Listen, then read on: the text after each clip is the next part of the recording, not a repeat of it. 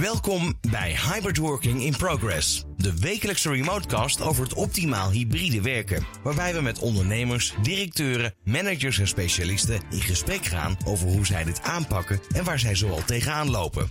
We zoomen in op de nieuwe werkplek, verbinding houden, technieken, management tools, HR-vraagstukken, cybersecurity en nog veel meer. Elke keer weer een andere invalshoek en stof tot nadenken. Dit is Hybrid Working in Progress met Mike Stern. Voor de pandemie leek de toekomst van werken vrij duidelijk. Inmiddels niet meer. Kijk maar een paar jaar vooruit en de toekomst van werk ziet er totaal anders uit. Kantoren zijn woonkamers geworden en vergaderzalen grotendeels leeg en kantooruren variëren. Het hele concept van werken keerde zichzelf op zijn kop en het lijkt onwaarschijnlijk dat het snel teruggaat naar de situatie van voor de pandemie. Of waarschijnlijk nooit. Toch worstelen veel bedrijven nog met hybride werken. Hoe komt dat?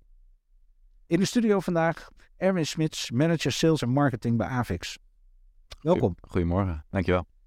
Erwin, kun jij iets meer vertellen over Avix? Ja, zeker. Um, ja, Avix is traditioneel een audiovisueel bedrijf. Uh, wat zich richt op het, uh, ja, het efficiënter maken van werkprocessen. In de breedste zin van het woord. Van uh, ja, het inrichten van klaslokalen tot meetingrooms tot zelfs operatiezalen. En ehm, daarnaast steunen we ook nog bedrijven op het gebied van uh, events, een stukje experience. Heel breed, eigenlijk alles rondom digitale communicatievoorziening. Zo moet je dat denk ik een beetje zien. Um, ja, en zeker de laatste jaren, uh, dat, dat het vergaderruimtes, meetingrooms optimaliseren, een duik nemen in de werkprocessen van de klanten, dat, dat was al gaande. maar zeker door de pandemie is dat een steeds groter onderdeel geworden van onze dienstverlening. Ehm, en dat zie je ook verschuiven hè, van een stukje traditioneel hardware, echt letterlijk de schroefjes in de muur die we 10, 20 jaar geleden uh, deden, tot en met eigenlijk de hele ja, fase van adoptiebegeleiding, consultancy, uh, software, uh, applicaties. die hele mix waarbij ineens hardware een stukje bijzaak is geworden. Wel noodzakelijk iets om ruimtes te kunnen inrichten, maar zo zien we de verschuiving een beetje ontstaan. Ja, en je zegt van oudsher bedrijf wat toeleverantsideeën op aan bedrijven op het gebied van audiovisuele apparatuur. Ja. Um, even voor de luisteraar, waar moet je dan aan denken? Nou, grappig genoeg, als we helemaal teruggaan, dan is dat dus begonnen bij uh, de eerste Utrechtse jukebox-centrale. Letterlijk de audio-installaties in uh, cafés en kroegen, flipperkasten en uh, dat soort zaken. en die hele transitie is dan zeg maar doorgegaan tot en met ja, de meetingrooms faciliteren met schermen, narrowcasting, dus beeldschermen ophangen, waarin je informatie kan delen, zoekers tot en met ziekenhuizen, patiënten. Uh, met, met wachtkamerinformatie. Uh, tot en met letterlijk de kantineinformatie waarin de kroketten van de week in de aanbieding zijn. Ja. dat is zeg maar de basis altijd geweest. En uiteindelijk ja, heb ik jullie ook gezien als een belangrijke toeleverancier op beurs en evenementen. Als het gaat om het hele AV-verhaal daaromheen. Nou, dat is uiteindelijk zijn jullie denk ik ook wel gedwongen bij de start van de pandemie om daar een switch in te maken. Want de hele branche lag natuurlijk onderuit. Ja. Ja, dan zie je op een gegeven moment uh, dat binnen zo'n branche gebeurt. Uh, dan vervolgens wil iedereen wil een eigen streamingruimte hebben, wil communiceren met iedereen. Ik zeg het even heel plat. Ja. Dat is er waarschijnlijk ook bij jullie gebeurd. Dat jullie zijn, uh, ik kan me ook herinneren, jullie hebben ook mobiele faciliteiten gecreëerd. Kan je eens vertellen hoe dat in de markt destijds een dikke twee jaar terug is gegaan? Ja, ja nou ten eerste, het was inderdaad, je kan, kan je voorstellen dat wij behoorlijk volle agenda hadden van fysieke evenementen die in één keer uh, stil, uh, stil kwam te vallen. Um, maar goed, de doelstelling van de evenementen die wij mochten begeleiden was natuurlijk wel het bereiken van je doelgroep. het communiceren. Die, ja. die doelstelling veranderde niet, alleen de manier waarop wel. Um, dus ja, de eerste behoefte die dan ontstaat is hoe gaan wij in hemelsnaam in deze korte tijd nog steeds onze doelgroep bereiken met de boodschap die we hebben. Daarnaast kwamen er extra boodschappen bij, want bedrijven moesten hun medewerkers informeren over nieuwe regels, uh, nieuwe lockdown, wat gaat er gebeuren? Dus je hebt ineens een veel betere behoefte om, om te blijven communiceren. Um, dat is eigenlijk ontstaan in een soort van noodgreep van, ja, we gaan tijdelijke studio's gaan we inrichten. Waarom? Ja, dan wil ik even, want je vertelt het alsof het een uh, pakje boter is. Sorry, ja. Maar je praat over een organisatie met een paar honderd man.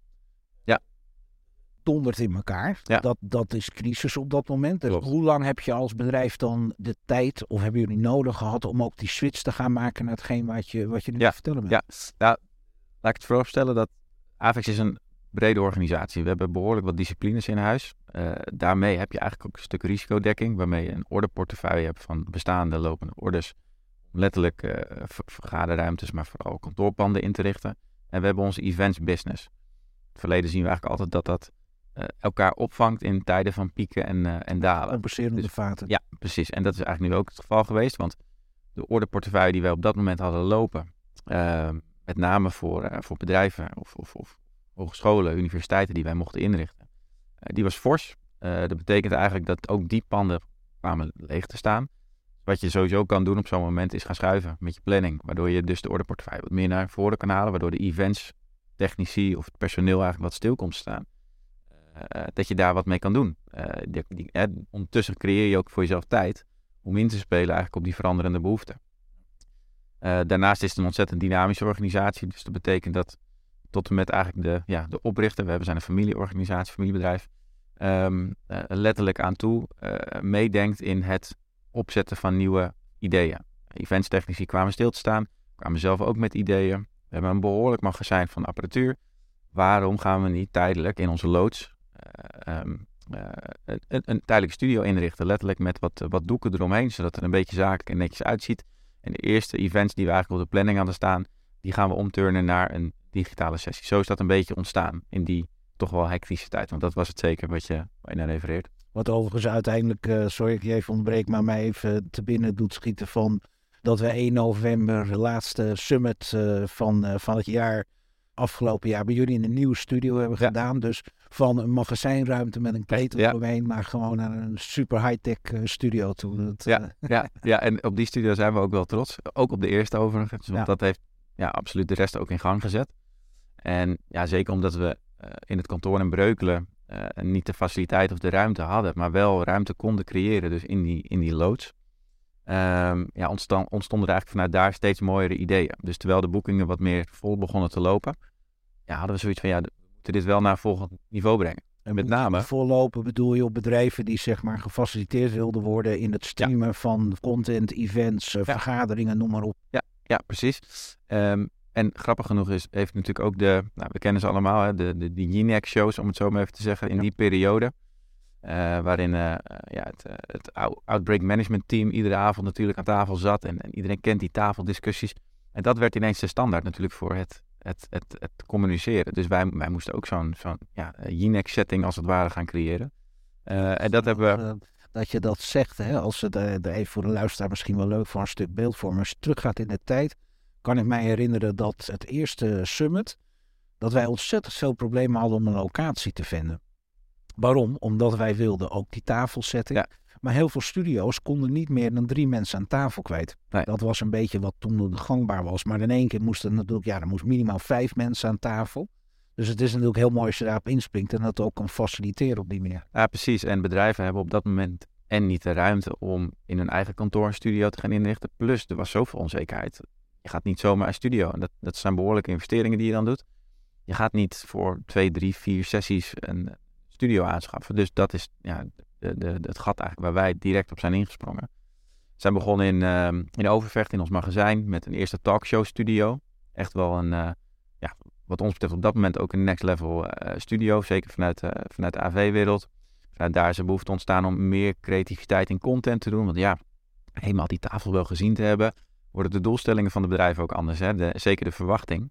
Uh, ja, we moeten iets, iets gaan doen met creatieve content. Misschien iets met een greenscreen studio. Dus toen zijn we eigenlijk daarop gaan doorborduren. Dus hebben we eigenlijk in diezelfde, uh, op diezelfde locatie een greenscreen studio eigenlijk gecreëerd. Waarin ook de disciplines die wij al in huis hadden, rondom events, content creation, heel makkelijk daarop in konden springen. Waarop onze dienstverlening breder werd. Want we hoefden niet alleen een event te begeleiden. We hebben ook cameratechnici, we hebben uh, geluidstechnici, we hebben regisseurs. Maar op een gegeven moment kwam ook een stukje content en adoptie en begeleiding daarin kijken. Zelfs een stukje visagie. Maar ja, wacht eventjes. Mensen zijn niet gewend om voor een camera te staan. Volgens mij weten wij dat wel. Dus laten we ook die mensen daarin adviseren. Ja, dat is regelmatig hard nodig. Ja, precies. Want ja, het is toch anders voor een groep staan. Met, waarin je de interactie ziet als dat je voor een camera spreekt. Nou, en zeker ook, dat hebben we ook gemerkt als je in een ruimte zit en je wil wat chemie creëren en je hebt geen publiek dan slaat het natuurlijk al heel snel dood. Absoluut. En wat jullie dan hebben, wat ontzettend gaaf is, maar daar nog extra aan bij kan dragen, is natuurlijk als we aan het Summit van 1 november kijken, een nieuwe studio. Er staat geen cameraman meer in de studio. nee. Nou, dat is natuurlijk ook een hele aparte beleving. Dus je, het is wel goed dat jullie erover nagedacht hebben. Dat je het totale plaatje dus eigenlijk moet faciliteren. Ja. Want je kan de ton instoppen, maar ja, als het er uiteindelijk niet uitziet, dan, eh, dan heeft iedereen commentaar en is het uiteindelijk niet gelukt natuurlijk. Nee, klopt. En als je de setting hebt, maar je hebt niet de expertise achter de, de knoppen om te bepalen welk shot, welk moment in beeld gebracht moet worden, dan kan een fantastisch uitziende studio, kan een, hele mooi eh, voorbereide eh, eh, sessie, kan in het water vallen doordat je net de verkeerde momenten in beeld brengt. Nou we hebben natuurlijk, en daar niets te kwade over, hè, want iedereen heeft moeten roeien met de riemen die men had. Maar we hebben natuurlijk heel veel producties de revue de afgelopen twee jaar zien passeren. Dat je denkt van ja, dat was het En- net niet. Hè? Nee, en ik denk dat, dat je daar in het begin genoegen mee neemt. Hè? Want Klopt. als we kijken naar bijvoorbeeld ook de hogescholen en de universiteiten, ja, ehm, eh, weet je, er was ook intreden van Teams. eh, dat, dat Teams deed al een beetje zijn intreden, maar dat heeft een mega versnelling natuurlijk toen gekregen. Ehm, ja, iedereen communiceert vanuit een laptop, de docenten ook. Dat, dus noodgedwongen kunnen we vandaag gelijk remote gaan lesgeven. Maar ja, daarmee merk je al heel snel dat je tegen beperkingen aanloopt. Mensen die hun camera uitdoen. De interactie, maar vooral ook de energie van een leraar als voorbeeld. Hè? De energie zijpelt weg voor een leraar. Die krijgt de energie van een klas, van het zien van studenten, de interactie.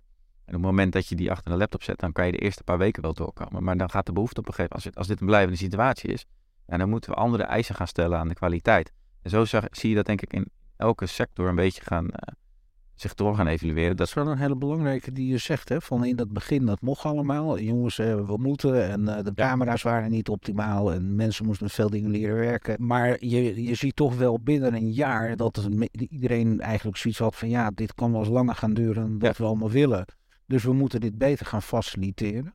En dat is wel heel mooi, dat je dan ook ziet, het, wordt steeds, het gaat steeds meer naar tv-kwaliteit. Nou, je, je gaf net eh, die talkshow als voorbeeld aan. Daar hebben mensen natuurlijk een heel mooi format. Hè, van nou, als we dat een beetje op die manier doen en er zo uitziet, dan eh, zijn we heel tevreden. Maar dat brengt mij meteen op een ander punt. We- We zijn nu weer ja, in een situatie gekomen waar we meer hybride gaan werken. Nou, worstelen bedrijven nog mee. eh, Er zitten we ook weer in de files. Het is niet zo dat het... eh, aan de kant is gegooid. Bedrijven denken er serieus over na, maar ja, oorlog, Oekraïne, grondstoffentekort, personeelstekort, er zijn steeds heel veel prioriteiten waardoor dingen ook doorschuiven. Maar goed, er komt een nieuwe generatie medewerkers aan, eh, ja, die daarin gefaciliteerd worden, die willen niet vijf dagen op kantoor zitten. Het management eh, gaat ook andere eisen stellen. Nou hebben jullie bedrijven gefaciliteerd, ook bijvoorbeeld het eh, inrichten van een in-house studio, zeg maar, bij bedrijven. En hoor je toch wel eh, regelmatig geluiden van ja, het staat een beetje weg te stoffen. Het heeft heel veel geld gekost. Ik weet niet of ik chargeer, maar hoe zien jullie dat? Men heeft ook problemen met daar goed mee omgaan. Klopt dat? ja, dat, dat weet ik wel zeker.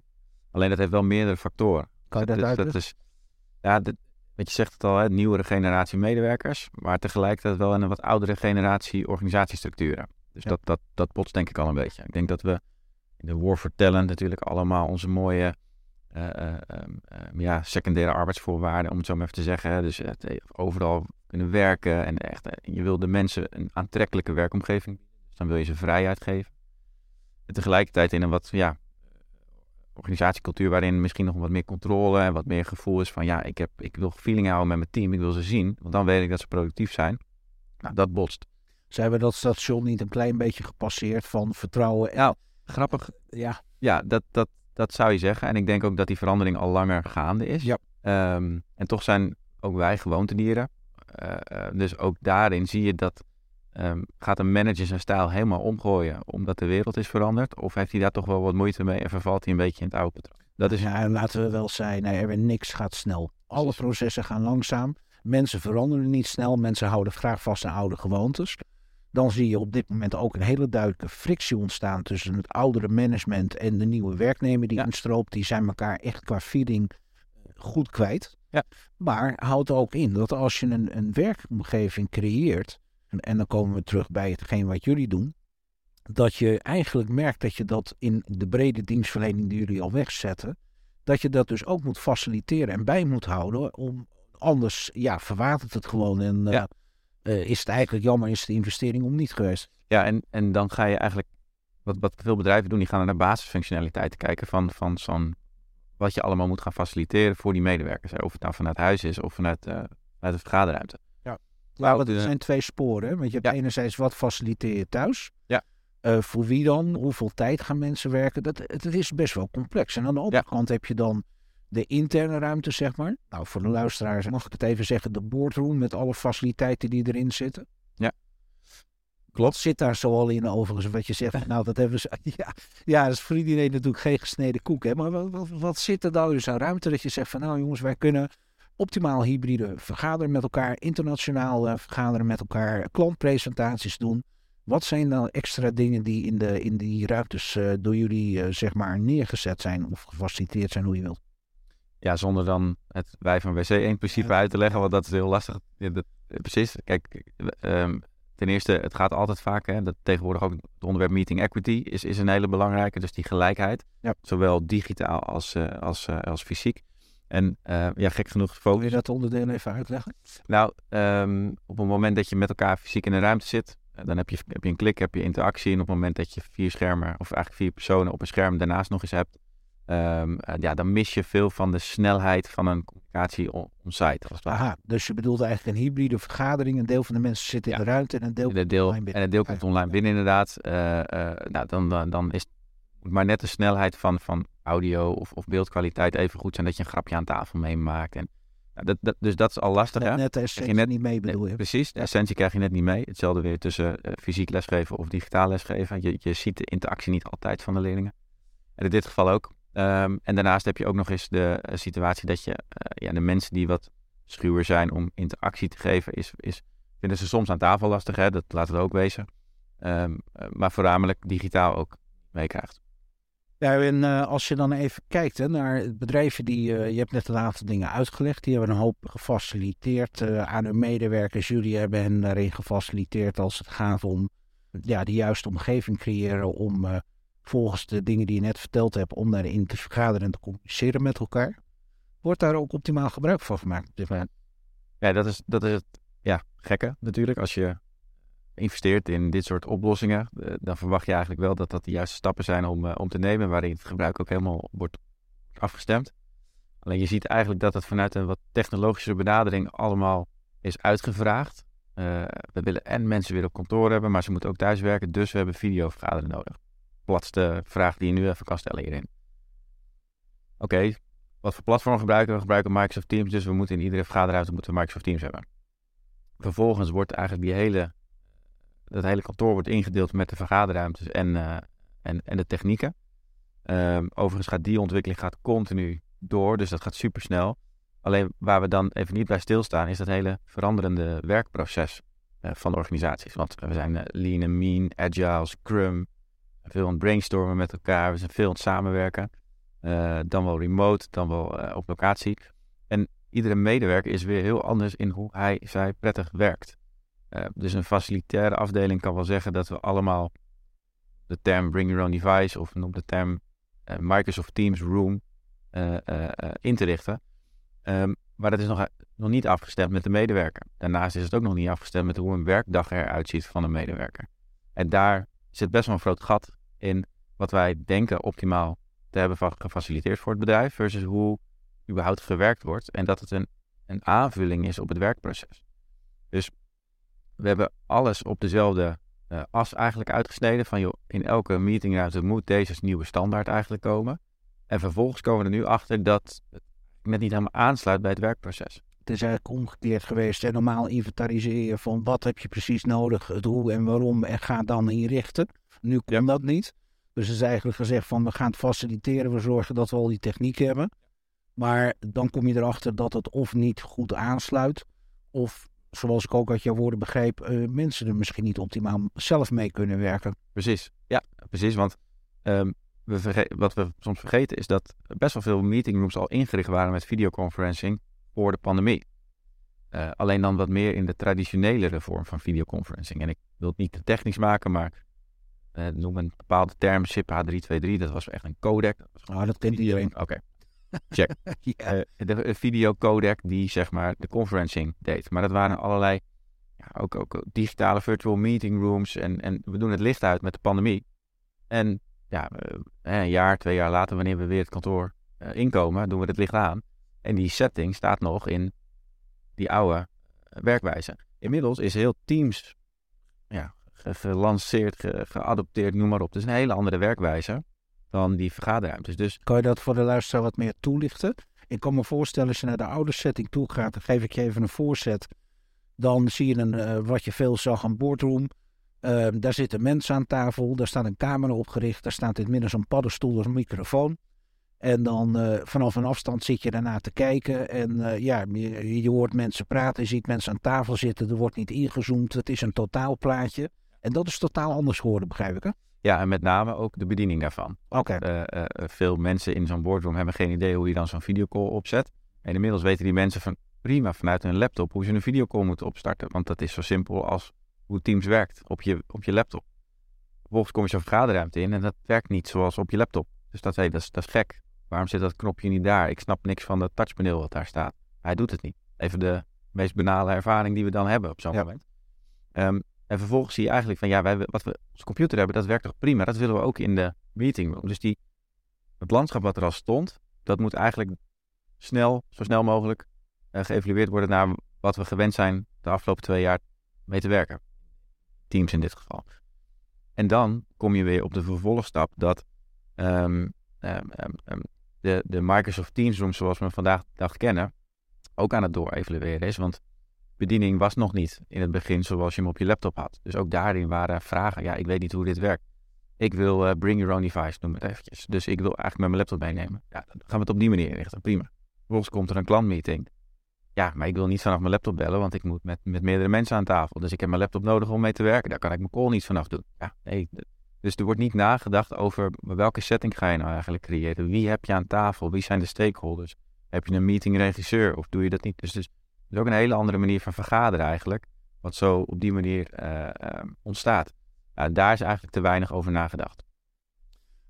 Oké, dat, dat is duidelijk. Dat signaal dat horen we ook vaker. Hè? Dat er, doordat er weinig over nagedacht is, onbekend maakt onbemind, werken mensen er ook niet mee. Dus je hebt in principe, ja, je hebt een Porsche gekocht waar je niet harder dan 40 km per uur mee reed. Dat is natuurlijk doodzonde. Ja. Hoe spelen jullie daarop in? Nou, in ieder geval om, om de, de dagen. Van, dus wat wij proberen te doen is, is inzicht te krijgen in het werkproces van een bedrijf. Dus uh, wij, wij definiëren bepaalde persona's, stakeholders eigenlijk in de organisatie. Um, in de breedste zin van het woord. Dus dat is echt van, van, vanuit alle uh, disciplines. Of het een productiebedrijf is, of dat het echt een, een consultancykantoor is. Van staf tot met uh, sales, nou, noem maar op. Dat breng je in kaart om te bepalen van hey, hoe zien nou die dagen en activiteiten eigenlijk daaruit. En het is niet heel uh, uniek, want dat doen tegenwoordig steeds meer bedrijven gelukkig. Die gaan kijken naar, oké, als dit nou alle activiteiten zijn en dit zijn de processen, wat hebben ze dan daarin optimaal nodig om te kunnen functioneren? Dus eigenlijk wat jij zegt, wat normaal van tevoren had moeten gebeuren, dat is de slag die nu gemaakt ja. wordt. En om dan te kijken hoe gaan we die aansluiting vinden met de techniek. Ja, dus, ja, precies. En zeker ook in combinatie met, goh, we hebben zoveel vierkante meters aan kantoorruimte. Hebben we die dan nog wel nodig? Dus dat gaat ook gepaard met wat kostenbesparingen. Dat gaat gepaard met doelstellingen om, om ja, uh, beter in te spelen op het milieu. Nou, alle alle uh, doelstellingen daaromheen. Dat loopt eigenlijk dan hand in hand. En dan ga je kijken naar, oké, okay, deze verdieping 2, uh, moeten we die nog wel zo indelen zoals we hem nu hebben ingedeeld? We hebben een aantal focuswerkplekken. We hebben een kantoortuingedeelte waar iedereen hun belletjes achter een bureau doet. Nou, we kennen het allemaal, dat is niet ideaal. dus we moeten veel meer op de activiteiten de organisatie gaan inrichten. Dus een, dus een tweede verdieping, daar moet gewoon een nieuw vloerplan voor komen. Om vervolgens ook te bepalen, hebben we dan nog verdieping 3 en 4 überhaupt nog wel nodig? Um, en hadden we eigenlijk een proces van voortschrijdend inzicht continu. Ja, ja, en dat gaat ook weer gepaard met, goh, hoe ziet eigenlijk de visie van het bedrijf eruit? Hè? We willen een bedrijf uh, wat nu drie kantoren heeft, uh, over, over twee, drie jaar twee kantoren hebben. Uh, wat is überhaupt de strategie? Dus het grappige is, je hebt het over een hele simpele vraag, audiovisuele inrichting. Maar dit, de, de complexiteit van het vraagstuk gaat gepaard ook met de toekomst van het bedrijf. Ja, je hebt het al, zit er goed naar jou luisteren, al lang niet meer over audiovisuele inrichting. Het gaat gewoon over het totale werkproces waar dit een belangrijk het is. Een essentieel onderdeel om ja. te blijven uh, functioneren. Zelfs in fysieke settings is audiovisueel een ontzettend belangrijke tool, een hulpmiddel, een doelstelling te behalen in een meeting. En dat is ook, denk ik, waarom we nog steeds die transitie niet maken. De medewerkers zelf, ehm, die worden niet begeleid in hoe ze nou hun dag optimaal kunnen inrichten. Dus oké, stel dat we het hele proces hebben ingericht, hè, zoals we gaan, we gaan interviews houden, we gaan persona's, we hebben het hele proces in kaart, verdiepingsanalyse en dit wordt het nieuwe. Hier gaan we op opstoelen. Of komt die implementatie, dan nog steeds zie je dat het niet optimaal wordt gebruikt. Omdat de medewerkers ook niet zich bewust zijn van een stukje gedragsaanpassing. Ik kom weer terug op het stukje gewoontedieren. Change management is denk een van de meest trage en lastige processen om doorgevoerd te krijgen. Um, en dat heeft overigens ook, hè, want dan maak ik het even nog complexer, wat jij al zegt, hè, want dit, dit zijn geen processen waar je even in één nacht over ijs heen gaat, want dan, dan heb je kans dat het uiteindelijk ja, gewoon niet goed gebeurt, dan heb je nog niets. Maar tegelijkertijd, en dat zou jij zelf denk ik ook wel herkennen, gebeurt er ontzettend veel op dit moment in de markt. Hè. De, de, de perfect storm waar we in zitten, de term is al heel vaak gevallen. Management heeft ontzettend veel op zijn bordje liggen.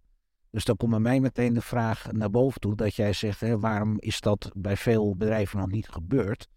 Zien zij ook het belang ervan in en wordt er ook de juiste prioriteit aan gegeven? Um, heb ik het over het management? Ja, nou als je over het management kijkt, dan denk ik meer dat, dat, uh, dat er vooral op faciliteringsniveau eigenlijk gekeken wordt. Hè? Dus nog steeds een beetje het, het, meer oppervlakkige niveau van oké, waar, moeten, waar moet onze manier van samenwerken nou aan, aan voldoen? Um, en, en, en daarin zie je nu wel een stukje HR-integratie, ja, om even te zeggen. Dus de, de well-being van het, uh, van het personeel. Zeker ook om personeel te blijven aantrekken en vasthouden. Zie je dat daar wel een wat veranderende verschuiving naartoe is. Dat zij ook een goede stem krijgen in het creëren van een optimaal landschap.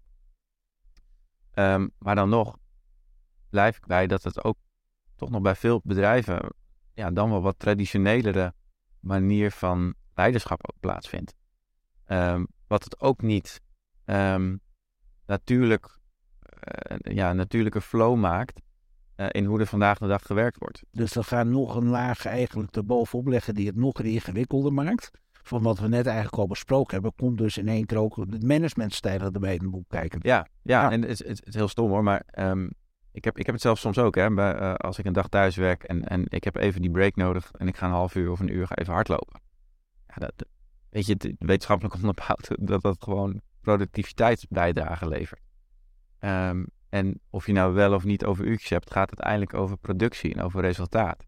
Dat is wat je wil bereiken. Daar neem je medewerkers voor aan. Ja. Alleen, het blijft, als je het puntje bij paaltje eh, bekijkt, gewoon een urenfabriek, waarin we gewoon onze uren moeten maken. Um, en dan kom je weer in de situatie, ja, maar op kantoor, hoe productief ben je daar? Productief ben je dan in de thuisomgeving. Maar als ik dan dat uurtje aan het hardlopen ben en net op dat moment uh, belt iemand mij die mij nodig heeft die dag. En ik, ik toevallig loop ik, ik loop hard met mijn telefoon in mijn hand. Maar dat doen niet alle mensen, maar dat vind ik, uh, vind ik relaxed niet om mijn telefoon te bekijken overigens. Maar je ziet dan wel dat belletje binnenkomen en dan denk je tijdens het hardlopen Deze, deze collega probeert me nu te bereiken. Ja, en, en ik heb even wat tijd voor mezelf, omdat ik daarna weer wat productiever wil zijn. Even een voorbeeld. Um, nou, ik vind het wel erg interessant, want ik geeft hier eigenlijk al mee aan dat het totale werkproces veranderd is en eigenlijk op zijn kop moet en opnieuw ingericht moet worden. Ja, en zeker omdat het, het, werken zelf is gewoon wat complexer geworden dan, dan vroeger. Weet je, we werken veel meer samen. Dus we zijn ook veel afhankelijker van elkaar. Maar als wij allemaal maar zeggen dat we onze dag indelen naar onze eigen wensen, ja, dan kom je in een soort trein terecht waarin we elke keer maar moeten wachten op elkaar. Want ik heb iets nodig van een collega. Ja, die is toevallig vanochtend vrij, want ja, die werkt vanavond. Oké, dus dan moet ik wachten tot vanavond. Dan kan ik dus morgenochtend pas weer werken. Want ik vind het prettig om, uh, om uh, vroeg uh, mijn bed uit te gaan en daarin te werken. Dus ondanks dat we zeggen dat we een wereld willen creëren waarin je tijd en plaats onafhankelijk wil werken, zal je toch wel een basiskader nodig moeten hebben waarin het samenwerken wat jij die dag doet wel opgeleid is met elkaars activiteiten. Ja, en, en, en dan, ik zeg niet dat het daarmee goed is om iedereen weer gewoon in het strakke regime zeg maar, te krijgen van 9 tot 5. Dat absoluut niet. Um, alleen dat een bepaalde mensen blijven wel op die manier werken. En, en misschien een wat nieuwere generatie, eigen indeling. Nou ja, daar haal, je, daar haal je een interessant punt aan. Maar ik kan me voorstellen dat de verleiding voor het management heel groot kan zijn. Ze denken van, goh, we gieten het gewoon weer allemaal terug in het oude jasje en klaar. Maar dat gaat niet meer. Dat, dat is denk ik een, een misvatting. Ja. Mensen willen dat niet meer, kunnen dat niet meer. Eens, eens. En, ze- en, en je, je ziet ook de productiviteit stijgen wanneer je in een omgeving zit waarin je het goed naar je zin hebt, waarin je gefocust kan werken. En ga je terug naar een kantoortuin waar iedereen zit te bellen. Ja, nou ja, ik, ik, dan heb ik eh, vijf uur nodig om één uur productie te realiseren. En ik denk dat ik niet de enige ben. Nou ja, en er speelt nog iets mee dat de nieuwe medewerkers die er nu aan zitten komen en hard nodig zijn, er helemaal geen trek in hebben. Dus het is ook niet, eh, het is ook niet direct een keuze natuurlijk. Maar ik vind het wel heel erg interessant wat je zegt, want eigenlijk hebben we nu een aantal dingen besproken. En dan kom je zijn bij techniek begonnen. Ja. En eigenlijk merk je gewoon dat er zoveel lagen in dat proces zitten die eigenlijk ja, opgeschaald moeten worden, op elkaar afgestemd moeten worden. Tegelijkertijd eh, zijn bedrijven zoals gewoon druk met 101 dingen en ligt er bij het management heel veel op het bordje op dit moment. Ja. Dan, dan vraag ik mij toch af van dit, dit is geen snelle slag. Nee, en, en bedrijven stoppen ook vaak na die implementatie van eh, Ja, we hebben staan klaar. dingen. En, en vervolgens yourself. het verstoft. Ehm, maar er is al een heel proces nodig geweest om te inventariseren hoe er gewerkt moet worden in die nieuwe omgeving. Dat betekent dus ook dat er een heel proces nodig is om een stukje adoptiebegeleiding toe te passen. En dan kom ik weer even terug naar het punt, technische ontwikkeling gaat razendsnel. En morgen ontstaan er weer nieuwe technieken die weer beter waren dan vandaag en gisteren.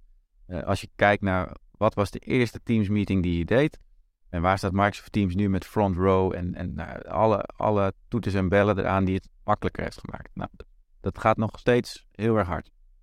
Maar waar we dan even bij, eh, eh, eh, bij stil moeten staan, is dat die medewerker zijn gedrag nog steeds niet aanpast. Die medewerker denkt, ja, woensdag, dat is mijn thuiswerkdag. En dan werk ik lekker thuis. Ongeacht welke meetings of activiteiten je op de planning hebt staan. Hetzelfde geldt voor die, die persoon die dat op vrijdag denkt. En zo pakken we een één hele dag waarin we zeggen, ja, dan werken we thuis.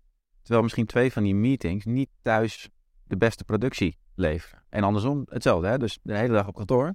Terwijl je eigenlijk vandaag die stukken moest maken, eh einde dag moest inleveren. Maar ja, dat is niet gelukt, dus je moet vanavond overwerken. Even voor die oude term.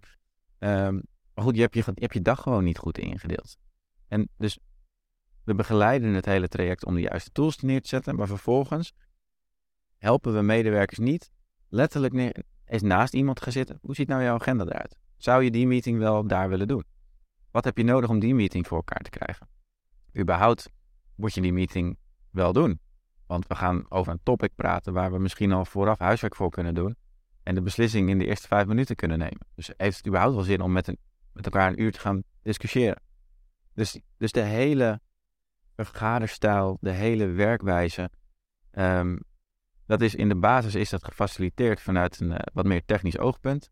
En dan kom je dus op dat punt, op grotere punt. Een beetje de gedragschange, de medewerker zelf, ook managementleiderstijlen. Dat heeft nog niet de juiste eh, synergie gevonden. Ja, maar wel een heel belangrijk aandachtspunt. Want ja, als je dat aan de achterkant niet goed faciliteert, dan blijf je met z'n allen eigenlijk maar een beetje in rondjes rennen. En eh, kom je niet aan de juiste effectiviteit. En juist waar, waar het management bang voor was, hè, van het verlies aan effectiviteit door het, eh, het remote werken, thuiswerken, hoe je wilt. Dat dat eigenlijk nu extra onder druk komt te staan, omdat het proces eigenlijk niet goed ingericht is. Als je even naar jullie als AVEX kijkt, hè, jullie leveren dan de, de faciliteit, om het maar zo te zeggen. Nou, ik heb je al een aantal keren de, de Microsoft Teams eh, horen noemen. En, eh, die hebben natuurlijk een enorme grote vlucht gemaakt met Teams. En je ziet dat dat steeds meer door iedereen geadopteerd wordt. Dat proces daarachter, begeleiden jullie dat ook vanuit AVEX? Ja, dus dat, dat doen we eigenlijk met bepaalde methodieken. We hebben enerzijds hebben we productspecialisten, maar we hebben ook business consultants die echt heel erg gespecialiseerd zijn in het in kaart brengen van het, eh, het werkproces. Daar waren we al eigenlijk mee bezig voor de pandemie. Dat je toen al zag met ja, de werkwijze van agile, scrumming, dat, eh, en we kennen allemaal de scrum woorden met de post-its. Vervolgens kwamen we met, de, met Microsoft Service Hub, Samsung Flip, digitale flipborden.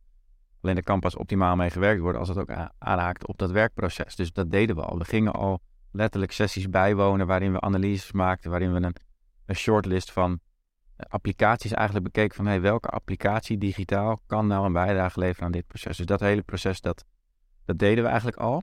En dat is nu ja, geïntensiveerd, om het zo maar even te zeggen.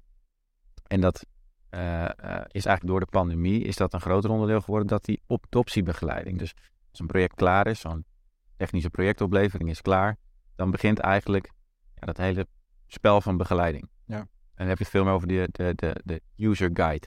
Ja, precies. Helpdesk. Stel ik een rare vraag dat jij de vraag stelt van... staat het management hier ook voor open? Of merk je dat er gewoon andere prioriteiten zijn op dit moment? Want dit klinkt wel iets dat je zegt van ja, dat moet je gewoon aan de dubbel aanpakken... en zorgen dat je dat goed inricht. Hoe ervaar je dat zelf in de markt? Heeft het, krijgt het de juiste prioriteit? Ziet men het ook in? Ehm, nou, omdat het zo simpel in gebruik is. Dus als je een meetingroom hebt ingericht, is het in principe simpel in gebruik. Ehm, krijgt het niet de juiste tijd en aandacht die het verdient om het helemaal te adopteren in een organisatie. Laten we wel wezen, op het moment dat wij een heel adoptieproject mogen begeleiden, eh, dan is dat ook weer een investering van een organisatie om dat te doen. Doe je dat niet, dan zie je ook niet direct daar de effecten van, want het zijn eigenlijk zachte kosten die wegcijpelen doordat je je organisatie niet meeneemt. Hè? Je ziet- hebt- Nou ja, stel, ik, ik snap precies wat je zegt en daarom stel ik je de vraag ook. Hè. Ik zie het gewoon in de praktijk gebeuren, ik hoor dat vaak. Dat je eigenlijk ziet dat je zegt van ja jongens, als je dit in de basis goed inregelt, ook omdat het zoveel vlakken bestrijkt, dan heb je daar zoveel meer effectiviteit van, tijdswinst, eh, you name it. En toch gebeurt het onvoldoende. Het lijkt me ook dat je ja, als leverancier dat het ook frustreert. Hè? Dat je denkt van ja, dan kom je weer bij die Porsche waar je niet had en 40 km per uur mee rijdt dan dat, dat is gewoon heel jammer. Dit geldt natuurlijk niet voor alle bedrijven. Ik neem aan dat er ook bedrijven zijn die bewustwording hebben of de tijd eh, hebben, Hutchet misschien ook wel, om het wel zeg maar op die manier aan te pakken. Heb je daar ook een voorbeeld van, van hoe, hoe dat opgepakt is door bedrijven, waardoor ze toch snel zo'n slag kunnen maken om ook dit aan de achterkant goed ingericht te krijgen? Ehm, ja, alleen dan, dan heb je het met name over de wat, ja, wat, eh, eh, ja, ik zeg wat, wat overzichtelijke bedrijven. Eh, dus niet, niet de, corporate, zeg maar, waarin er eh, eh, talloze afdelingen zijn die, eh, die elke Silo gestructureerde organisaties, ja precies. Dus dat zijn eh, eh, ja, wat meer de, de, de toch wel open environments waarin wij eh, mee mogen blijven draaien, zeg maar, in de, in de processen. Dus wij hebben eh ehm, detacheringspersoneel, ik noem het detachering is een beetje oude term, maar goed, een stukje AV-begeleiding. Eh, s- teams hebben wij op locatie lopen bij, eh, bij klanten terugkerend. En een aantal daar we zeggen van joh, we gaan eh, na de implementatie starten we eigenlijk met drie dagen per week en op een gegeven moment gaan we dat afschalen. En je ziet daarin dat op een gegeven moment ja, komen de dagen tot stand waarin je zegt, ja, jongens, is het nog nodig? Want volgens mij loopt het wel. Het draait allemaal, we kunnen loslaten. En daarin, dat zien we steeds meer gebeuren. Maar eigenlijk de geluiden die je steeds meer hoort, en ik wil je niks in je mond leggen, maar eh, als ik het goed begrijp en die, die signalen hoor je ook steeds meer, dat eigenlijk de, de silo-gestructureerde organisaties door die silo-structuren zichzelf volledig frustreren op dit moment. Ja, klopt. Het einde van de silo-structuur is zicht. Als je nou toch naar dat soort organisaties kijkt, hè, je zou het management een tip mee kunnen geven, dat is ook belangrijk.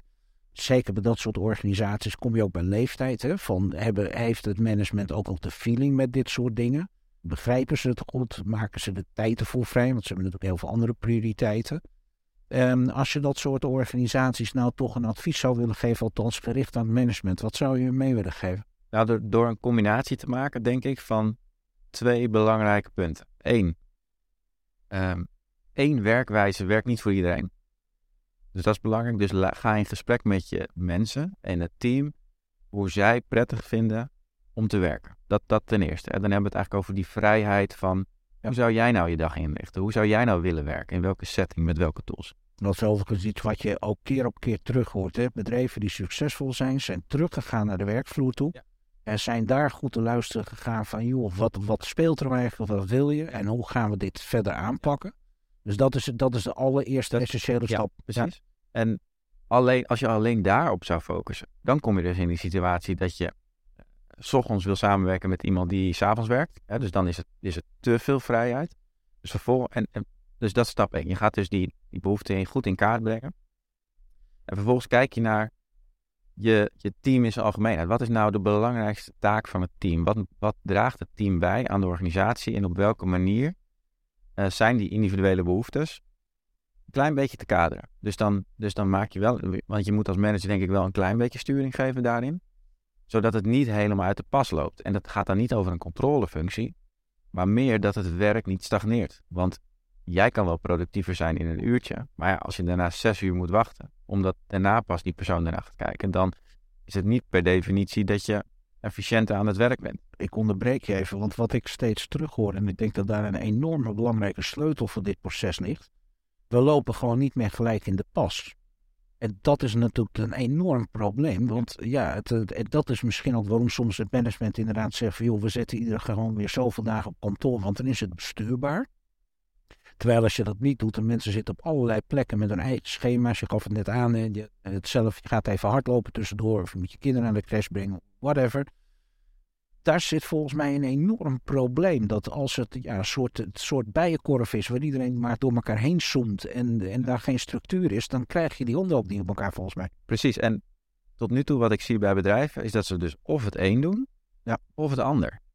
En de, geen zeg maar, de, de organisaties die een kader en structuur willen geven, want dat heeft altijd zo gewerkt, die zijn eigenlijk de star om te luisteren naar, ja, maar de medewerker heeft ook een behoefte.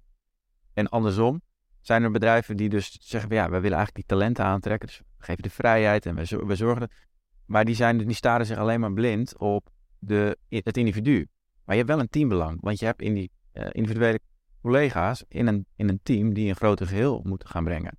En dat is denk ik een kracht van een, van een leidinggevende manager om te zeggen van oké, dit is de, teamdoelstelling.